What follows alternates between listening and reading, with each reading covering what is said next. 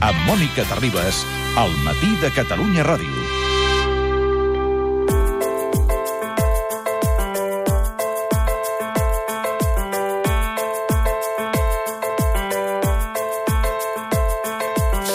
I quan arriba l'estiu i les classes a la Universitat de Colòmbia s'acaben, doncs el professor Salai Martín el tenim més per aquí i el fem menys a distància. Professor Salai Martín, bon dia. Hola, molt bon dia. Hem de dir que l'altre dia ens vam espantar una vegada més perquè en aquell atemptat eh, que es va viure a Brussel·les a més a més, estàveu gravant l'economia en colors precisament allà, molt a prop, i les primeres imatges mm. que es van veure a través de les xarxes eren perquè les havia gravat Xavier Sala i Martín, no? Sí, sí. Amb un mòbil. Amb el meu mòbil, sí, sí. Quina sensació vau tenir? eh? Bueno, de confusió, això, no? confusió, no saps... Clar, no, no, no, no, no surt un títol i diu atentado. Ah, no? Eh, simplement eh, comencen a... a, a, a estàvem a, do, a 200 metres de la- de l'estació, nosaltres. Sí, gravant, de l'estació de- Eh, gravant. Ara mirarem si, si a la gravació apareix alguna cosa que no, no vam veure, però, però estàvem a 200 metres i de sobte es comencen a sentir sirenes, sorolls, eh, comencen a venir policies, eh, marxeu, marxeu, marxeu, eh, m- m- m- militars amb gossos, allò com, com si nosaltres Sí. fóssim els dolents, allò. Eh, I clar, no, no, saps què, no saps què està passant eh, i després te, te n'assabentes... De, després el, el, estàvem amb el Xavi Coral, que és el Sí, el representant Xavi Coral, de que és el TV3 nostre corresponsal a TV3. i eh, rebem, ell rep una trucada de la seva dona que estava al metro Mm. just en aquell moment i que la, la policia l'havia tancat a dins del metro i no podia sortir.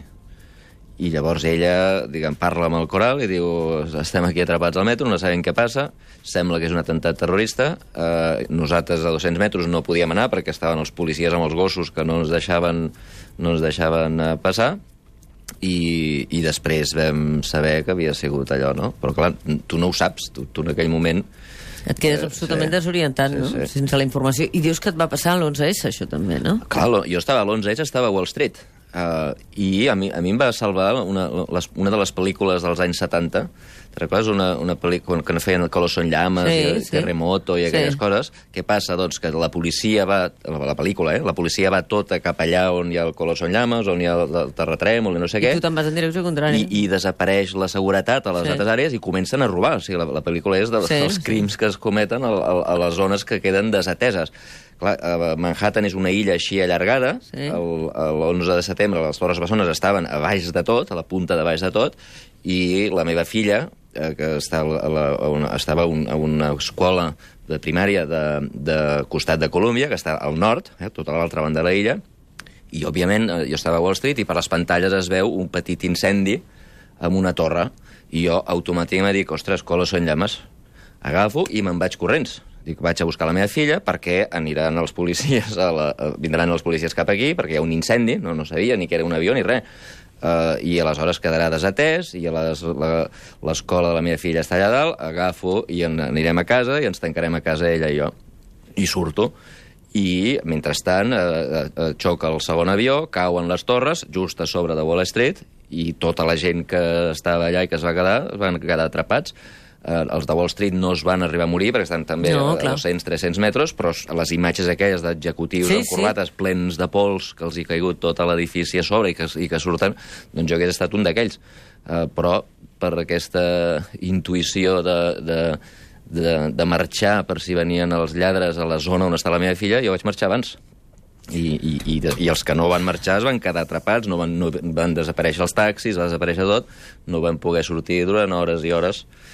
I mira, eh, però, però clar, quan et passa això no saps. No? No quan, saps, no sortim, saps. quan surt aquí la TV, a, a TV3 ja, ja, ja, saps, o, o, Ja ja, o Catalunya Ràdio, ja, ja sabeu. Este- ja saps, ja tens informació. ja esteu però- parlant de que és un atemptat, és d'alba, tu no res, tu veus un fum o sents unes sirenes i, i, i no saps què està passant.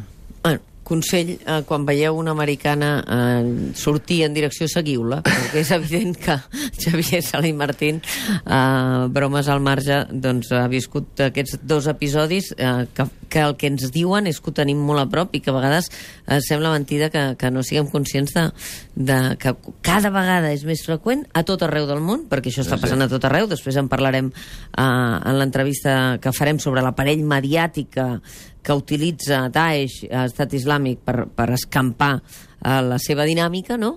I això vol dir que ens despertem cada dia amb un ensurt. Vosaltres a Brussel·les, l'altre dia al Manchester Arena, Londres, París, cada Sí, dia. sí. Però una cosa que sobta de, de Brussel·les, precisament, és, abans de l'atemptat, mm.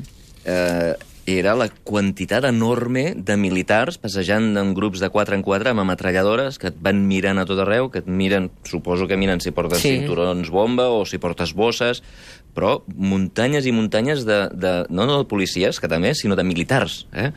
I això que aquí no es veu, aquí No. a Barcelona. Però allà, Encara. dona- allà tens la sensació de que era un atemptat perquè, perquè tu vas recordant la, el mateix, els mateixos militars, no? Dius, què fan aquesta gent? I, i hi ha com una psicosi. Òbviament, ells van patir un atemptat no fa gaire, Sí, sí, un sí. parell d'anys, em sembla que va ser, eh, dels grossos, i, i, i clar, estan, estan at- atemorits, però, però aquesta diguem, presència massiva de policies i de militars et recorda constantment que estàs, que estàs en perill i que no, no saps per on vindrà. I el, pro, el proper Economia en Colors que heu d'anar a rodar, on és? Florència. A Florència. Molt bé. Bueno, la major part, és a dir, fem dos viatges només, i, i són, un ha estat a Brussel·les, hem gravat tot de parts de capítols diferents a Brussel·les, un altre em sembla que el fem a Florència, la resta ho fem tot aquí amb, a distància d'automòbil. A? Anem a distància Girona, anem a Lleida, anem a Tarragona, anem a, al port de Barcelona, però no, però no diguem, Però- viatge amb avió, només dos. Molt bé. Doncs celebrem que sigui aquí Xavier Sala i Martín perquè uh, una de les qüestions que ens ve molt de gust parlar amb ell és uh, una qüestió que té a veure amb, amb la nostra vinculació amb l'economia uh, que tenim més a prop, la que produïm, no? Perquè quan comprem un producte uh, segurament molta gent no es planteja on està fet. Uh, si un cotxe um, és made uh, in Germany o és made in Catalonia, no? perquè ara molts cotxes estan fets aquí, si ens ho plantegem, si tenim una vinculació respecte als nostres propis mercats. I això ens porta a parlar del pes de les marques a nivell nacional, si ens preguntem quina és la marca que és més valuosa, si les marques realment influeixen. I uh, em vam veure un estudi que deia que la marca Made in Spain estava situada al, al número 20 i amb l'Ignasi Abad, quan preparàvem el, el, aquest espai d'avui, aquest informe Salai Martín, dèiem, home, serà bo que el professor Salai Martín li posi valor econòmic i de vinculació de creixement productiu a la qüestió de les marques. Perquè què és una marca? Què és una marca, uh, professor? Bueno, una, una marca és una, una, una sensació, és una... Un intangible, en realitat, sí, no? Sí, sí, uh, marques de- d'aquest tipus. Eh? Sí, després, sí. després hi ha marques comercials que sí que tenen valor i que sí que es compren i es venen. Eh? Uh, i, però però el, el Ma- Made in Spain Sí. o Made in Italy és una, un intangible, una, una sensació de uh, que quan tu compres un producte que ve d'un país, doncs tindrà unes certes característiques, no?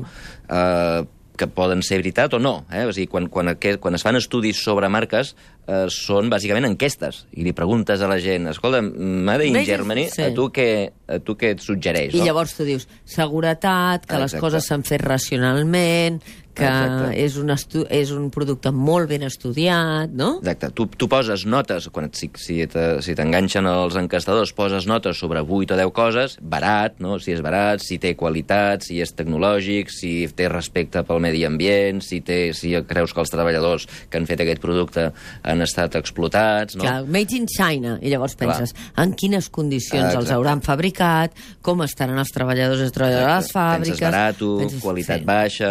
A Alemanya, doncs dius, ostres, altíssima tecnologia, eh, treballadors sindicalitzats amb salaris molt alts... Eh, O sigui, no? és tot allò que associem de l'economia del país Exacte. en aquella marca, no? I aleshores el que fan aquesta gent de l'índex és agafen les dues característiques millors de cada país, eh? tu pos, la gent posa notes, agafen les dues millors, fan una mitjana, eh? fan una mitjana els dos, i llavors fan un rànquing de, dels números que surten. Eh? Clar, I en aquest rànquing, eh, Alemanya està la número 1, Es- Alemanya està la número 1, Suïssa la número 2, no? Exacte. Després hi ha la Unió Europea, que és un conjunt de tots, però que donada la, la quantitat d'exportacions europees que venen d'Alemanya, bàsicament torna a voler dir Alemanya, Està hi ha bé. el Regne Unit, hi ha Suècia, Canadà, Itàlia, Japó, França i el, el número 10, Estats Units. Um, i, I, I aleshores hi ha Finlàndia, Noruega, Sí. que jo hauria dit que, que potser estarien més altes, no? Perquè és curiós. Aquí sí que deu haver-hi uh, qüestions de percepció su- subjectiva. Austràlia i Nova Zelanda estan per davant de Dinamarca i Àustria. Sí, sí. És, és bastant curiós. I Espanya està al número 20. Però, però això te, pot voler dir, recorda, eh, el que, el que he explicat, uh, aquí s'agafen diferents característiques, mm. no? per exemple, eh, preu o, o qualitat o qualitat-preu, eh, doncs llavors s'agafen les millors notes que tens amb els dos millors, que no necessàriament és el millor per tothom, eh? Eh, no, perdona, no necessàriament és el mateix per tothom, eh? Eh, i, i, i, es fa, i es fa el rànquing Sí. d'aquestes dues millors notes. O sigui que productes australians poden estar molt amunt perquè la gent percep que, que tenen un gran respecte pel medi ambient. Per exemple. I els alemanys estan a dalt de tot perquè tots tenim eh, consciència o ens pensem que tenen molt bona qualitat. Mm. Eh, o la Xina pot estar amunt perquè són productes molt barats, no? Mm. Eh, si la gent ho valora, el que sigui que valora, si ho valora positivament, doncs te'n vas cap amunt i, per tant, no és una cosa estrictament comparable. Eh? No. Eh, per exemple, la, la, la, la nota d'Espanya està amunt perquè la, la valoració qualitat-preu és elevada. Uh, la valoració qualitat-preu és la més elevada i l'alta qualitat. Exacte. I després excel·lent disseny. Es valora bastant el disseny, en el cas d'Espanya, per sobre de la mitjana de la resta de països. Sí. És a dir, devem Sí, sí. tenir fama en el disseny i en l'originalitat. Sí, Que el que, passa, el, que passa que, el que passa que també s'ha de distingir entre la nota que et posen el, els espanyols i la que posen l'estranger. Eh? Els Clar. espanyols es pensen que les coses de disseny de, de, de espanyoles tenen un gran disseny, els estrangers no ho pensen tant. Ja. Els espanyols, els estrangers miren més la qualitat-preu o... Sí. o Uh, però, bueno, en qualsevol cas, és, és, una, és, una, és una senyal, una percepció de fet, se, se, se, hi ha, uh, em sembla que 50 països o 49 països, eh? o sigui, uh, 20, estar al 20 és, uh, no està gaire bé, eh? Uh, no és que hi hagi No, no. 200 països i estàs al 20. Hi ha, hi ha 50 països i, I estàs, estàs al 20. Uh, per tant, no... no... I atenció perquè hi ha una altra cosa que ens cridava l'atenció aquest, eh, aquesta setmana quan ens ho miràvem amb l'Ignasi i dèiem eh, la posició de referència, és a dir, quan tu te'n vas a, a Algèria, per exemple, i els hi preguntes a la gent eh, el Made in Spain com el valoren. I resulta que Algèria som la segona preferència. Ah, exactament. Algèria. I Exacte. també a Bahrein, la tercera. Els productes, els països àrabs, la marca Espanya està molt ben I posicionada. per què això? Uh, no sé. No sé. És, és bastant curiós. Sí, Amè perquè... per Amèrica Llatina Sí. i uh, Amèrica Llatina i el món àrab és, són les dues... i Espanya, Hmm. eh? I són les de tres àrees on la marca Espanya està molt ben posicionada. Um, a veure, jo et, et, et puc dir, no? Eh, Jo, jo visc a Estats Units Sí. i, i la marca Espanya és inexistent. No existeix. O sigui, Així com la italiana, sí. Exacte, i tothom sap què fa Itàlia, si ho fan bé o ho fan malament, quins productes fan, fins i tot Suïssa, que és un país de 6 milions d'habitants eh, i de 40.000 quilòmetres quadrats, és, és un país de la mida de Catalunya, i dius, a veure, què fan els suïssos? I tothom et sap dir, des de les, les navalles no sé què, suïsses, sí, sí. La, la, els rellotges, el, els bancs, no? productes suïssos, I a més són productes que tenen una certa complexitat tecnològica i això els hi deu Exacte. afegir una valoració qualitativa, Exacte. no? I les farmacèutiques Sí. sí. suïsses, o sigui, Suïssa està molt ben posicionat en un país estrany i llunyà com els Estats Units. Clar, nosaltres no, no, Espanya, Espanya no se sap què fabrica, No diguéssim. se sap. És Clar, una, una marca que als Estats Units no està gens posicionada. Restaurants espanyols no n'hi no, no han. Eh? Els restaurants italians està ple, els restaurants francesos n'hi ha ple, restaurants grecs fins i tot està ple. Restaurants espanyols n'hi ha poquets i a més obren un any i tanquen de seguida, no, no, no triomfen. Clar, això, això deu tenir a veure amb si una economia s'ha pogut no només situar la seva marca, sinó especialitzar la seva economia de portes en fora, no? cap a l'exportació, perquè al final les marques impacten sobre els mercats exteriors. Els Sí. alemanys tota la part tecnològica eh, l'han entrat en l'imaginari col·lectiu mundial, no? Exactament. I, eh, diguem, perquè sigui això bo per tu, no, no només tenir que, que se't reconegui, sinó que sigui bo per la teva economia, la teva marca ha de representar alguna cosa que val calés. Si tu et fas famós per explotar els treballadors i per eh, tenir salaris baixos i, per tant, tens, eh, tens eh, exportacions baratíssimes, doncs no acabaràs guanyant massa calés. Eh, els alemanys s'han especialitzat en mm, productes industrials d'altíssima qualitat, no? els grans cotxes eh, als Estats Units, no? quan, quan la gent vol un cotxe bo no es compra un cotxe americà, es compren cotxes alemanys, el BMW, el- l'Audi, etc etc. Uh, els uh, suïssos s'han posicionat amb coses com la Farma i altres, uh, altres coses d'altíssima qualitat o d'altíssim altíssim eh, valor afegit. Uh, i aquí el, diguem, tu t'has d'intentar especialitzar en coses que tinguin valor.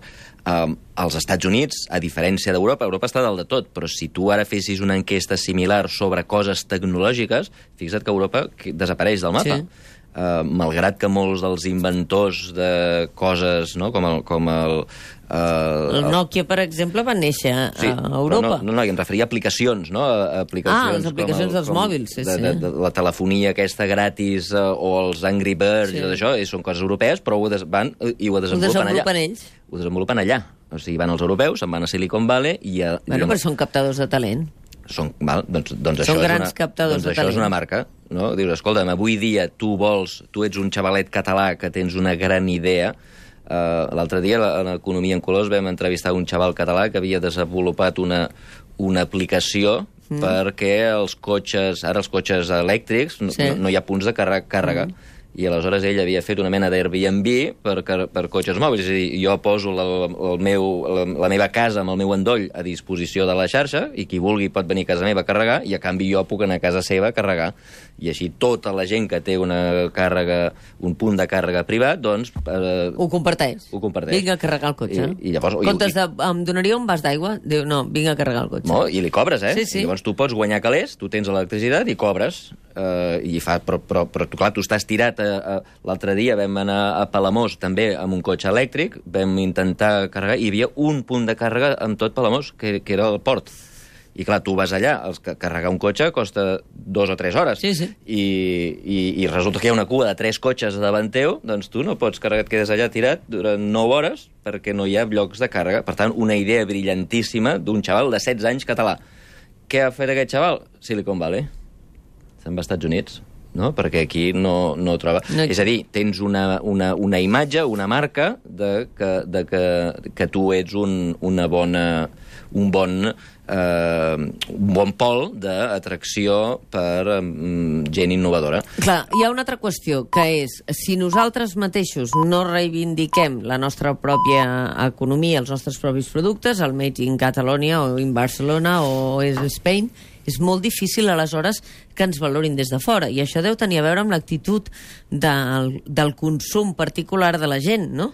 De dir, escolta, posem en valor els nostres productes, això en el quilòmetre zero és evident que aquí hi ha avantatges de tot tipus, no? Però eh, també amb els productes fets aquí, si nosaltres no hi creiem, la de fora se'ls creuran? Sí, però, però és que tu te'ls creuràs si ho fas bé. És a dir, en el, el tema d'intentar enganyar la gent No, amb per campanyes, militància no. amb campanyes de màrqueting, no? Ara venirem a Aràbia Saudí i els hi, els hi farem uns anuncis no. Allò a la tele. Mira, mira, marca Espanya. No, la gent no és imbècil. La gent, si tu li fots un anunci marca Espanya, però després us compra un producte espanyol i no té qualitat o és massa car o, o no dona l'estatus que ells es pensaven que donaria, doncs eh, quan li vingui l'enquesta diran això, marca Espanya no funciona. L'estatus és una de les claus. Sí, per exemple, pels xinesos, productes europeus donen estatus. No? Anar amb, un, amb, una, amb una, una cartera de Louis Vuitton mm. o amb un rellotge europeu o seguretat.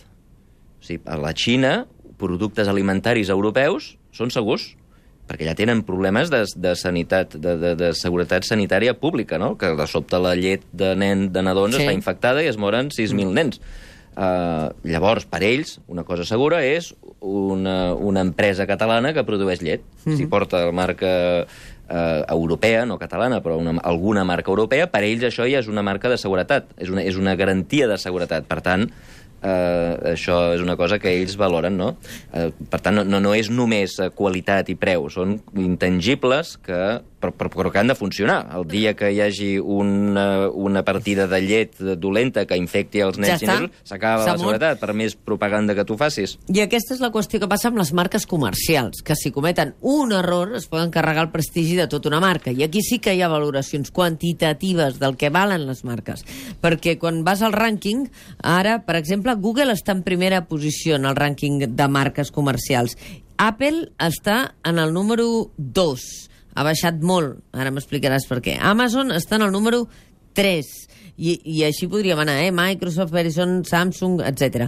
Anem a analitzar què ha passat amb, amb Google i, i amb Apple i amb Amazon, si vols, per, perquè Amazon ha pujat un 53%, Google ha pujat un 24% i, en canvi, Apple ha baixat un 27%. Sí. De què depèn que una marca pugi i baixi? Això és una mica diferent. Aquí a les, eh, també es fan enquestes, eh, tot i que s'hi afegeixen eh, dades de, comptables eh, diguem, eh, dures, i aquí s'analitzen eh, quatre tipus de coses. Primera és la percepció dels clients. Què, com perceben els clients les marques. Eh? Mm -hmm. I aquí no són empreses normalment, sinó marques, perquè una empresa pot tenir diverses marques. Eh? Uh, I aquí, amb el, la, la percepció dels clients, hi ha dos aspectes, la popularitat i la fidelitat. És a dir, tu tens un, un Nokia, et compres un altre Nokia, tu tens Apple, et compres un altre Apple, no? Apple aquí té una fidelització Sí, brutal, brutal. tot i que el que ha passat darrerament, i per això ha baixat, és que han perdut fidelització. Els nous Si la gent models... ha començat a fer-los al salt. Sí, S'ha perquè acabat la... cosa sectària de la poma, diguéssim. Però perquè no han, no han donat el que prometien. O sigui, les últimes revisions a l'iPhone 6 i a l'iPhone 7 són bàsicament versions una mica canviades de l'iPhone 5. Però no transformadores. I no transformadores. I la gent que estava a Apple perquè era l'últim, que la gent que feia cues, eh, que feia cues a Per davant... comprar-se l'últim per- model Per ser el d'iPhone. primer de comprar-se allò, allò 24 hores abans, la gent s'anava davant de l'Apple de la cinquena avinguda Sí. de Nova York i dormia dos dies allà com si fos un concert del Bruce Springsteen per ser el primer de la cua de tenir, per, per, per, poder comprar l'Apple allò 24 hores abans que els de més, no? Um, això està desapareixent. Per què? Doncs perquè les revolucions dels darrers últims uh, uh, models no ha funcionat. Ha sigut, ha sigut uh, diguem, superada amb escreix per les revolucions de la competència, en aquest cas de, de la combinació Android, que és, que és uh, uh, Google, i uh, Samsung. Uh, I per un cert abús, suposo, de mercat que, que si treus molts productes i no t'aporten res Exacte. molt de nou, et sents una mica estafat de dir, escolta, i ara per què m'estàs venent una altra versió si l'únic que has fet és modificar la càmera de... Exactament. per Per fer tant- una foto, Per tant, saps? tema clients, eh, tema clients, eh, important. Eh, després, tema, satisfa... eh, eh, te- tema treballadors. O sigui, una marca també la forma els treballadors i també s'enquesta als treballadors. Uh, I aquí, uh, a, a Google, aquí té una... una... Té un exèrcit de... pro- Sí, dels molt propis potent. treballadors. O sigui, tu vas a Google i la, i la gent es pensa que està jugant i tenen tobogans i unes coses que... de Són feliços, sí, no? Sí, sí, sí, i van en patinet per allà dintre, dins l'empresa i són gent que li encanta, o sigui, que va pel món fardant. Són- jo, Google- jo Google treballo a Google. fans. Eh? I, I, per tant, la, la part dels treballadors també és important. Això entre parèntesi, no vull mirar ningú de cap empresa d'aquest país, però quan eh, les empreses d'aquest país, i, i, i una de les empreses que està aquí és el Barça, eh? Mhm. eh, eh, diguem, es mira la, la, el valor de la seva marca, has de tenir en compte el que pensen els clients, però també el que pensen els teus treballadors. Eh? Eh, si tens treballadors deprimits, eh, prenyats, que van a treballar i, i fan mala cara, compte que això és dolent. Després també hi ha els aspectes financers, aspectes financers, eh, la capacitat de demanar crèdit, no? sigui, si és una empresa que està al llindar de la ruïna, el valor de la teva marca baixa, i finalment, l'impacte social. És una empresa que es preocupa pel medi ambient, eh, és una empresa que explota treballadors a països, eh, a països pobres, és una empresa lligada amb la corrupció, Uh, aquí, per exemple, el, el Barça, que també està en aquest rànquing, fins ara, ho dic el Barça perquè fins ara era el número 1, eh? i el- mm. l'última enquesta ha passat al Madrid Ja no ha a ser sortit. número 1. Uh, òbviament, el fet de que el Madrid guanyi, tot i que no té a veure amb la Champions, perquè això va sortir abans de l'última Champions, però el fet de que el Barça baixés té a veure amb la relació amb Qatar i la imatge que dona de corrupció de drets humans i tal i qual, i, òbviament, amb els problemes que té l'expresident, el Sandro Rossell, lligat amb la corrupció, tot això afecta, Tot això el, afecta valor, les marques. el valor de la marca, perquè després tot això es tradueix en calés, eh? Quan val aquesta marca? Mm. Quan estaria disposat una empresa a poder posar-se la marca Barça, o poder posar-se la marca Google, o poder posar-se la marca, la marca Apple. Tot això té un valor que són milers de milions, eh? només, només, eh, només la, la marca. Per tant, cada decisió que pren una empresa interna sobre els seus treballadors o sobre la il·lusió que no sap transmetre les estructures, és a dir, quan només els hi transmets, escolta, rendibilitat, competitivitat, no sé Sí. què, no sé què, no sé què, Això, això fa perdre valor a la marca. això fa perdre valor a la marca. Sí, sí. És a dir, per molt, per molt bé que et surtin els números, Exactament. si no calcules l'intangible de la il·lusió que trasllades a la gent que treballa a la teva empresa, això acaba afectant a la a marca. l'il·lusió de la gent, a la percepció que tenen els altres, és a dir, si tu tens una empresa, jo no sé com, com es valora la, la Sí. CS del Florentino, no? però diguem, si, si la gent té la percepció de que obté contractes a través de la corrupció, que fan terratrèmols aquí, que fan terratrèmols allà, que maneguen els fils, la gent té una percepció en la, tercer, en la quarta part, en aquesta quarta part dels del, aspectes socials, que et perjudica. Per més que tu guanyis calés, si la gent percep que tu estàs... Eh, Maniobrant? maniobrant i, i òbviament amb els teus clients. Eh? Si, si el, el Apple intenta enganyar els seus clients fent veure que canvia coses quan no canvies, eh, doncs, això, eh, doncs això no funciona. Doncs això com que és aplicable a tota la vida que esteu vosaltres, els particulars que ens esteu sentint, segur que ho podeu aplicar a cadascun de vosaltres a l'activitat que fem, perquè sempre pensem en les quantitats i no en els qualitatius, i els qualitatius acaben afectant la marca de tot el que fem. Gràcies, eh, Xavier Sala i Martín. D'aquí 15 dies on et trobarem? A Home, saber, Espero el que aquí, misteri. espero aquí? que encara aquí, sí, tot i que la, la Premier eh, ja comença aviat i per tant haurem de tornar cap a Manchester aviat, però em sembla que el proper programa encara, Encara estarà seràs aquí. Doncs ens retrobem d'aquí 15 dies. Gràcies. A reveure.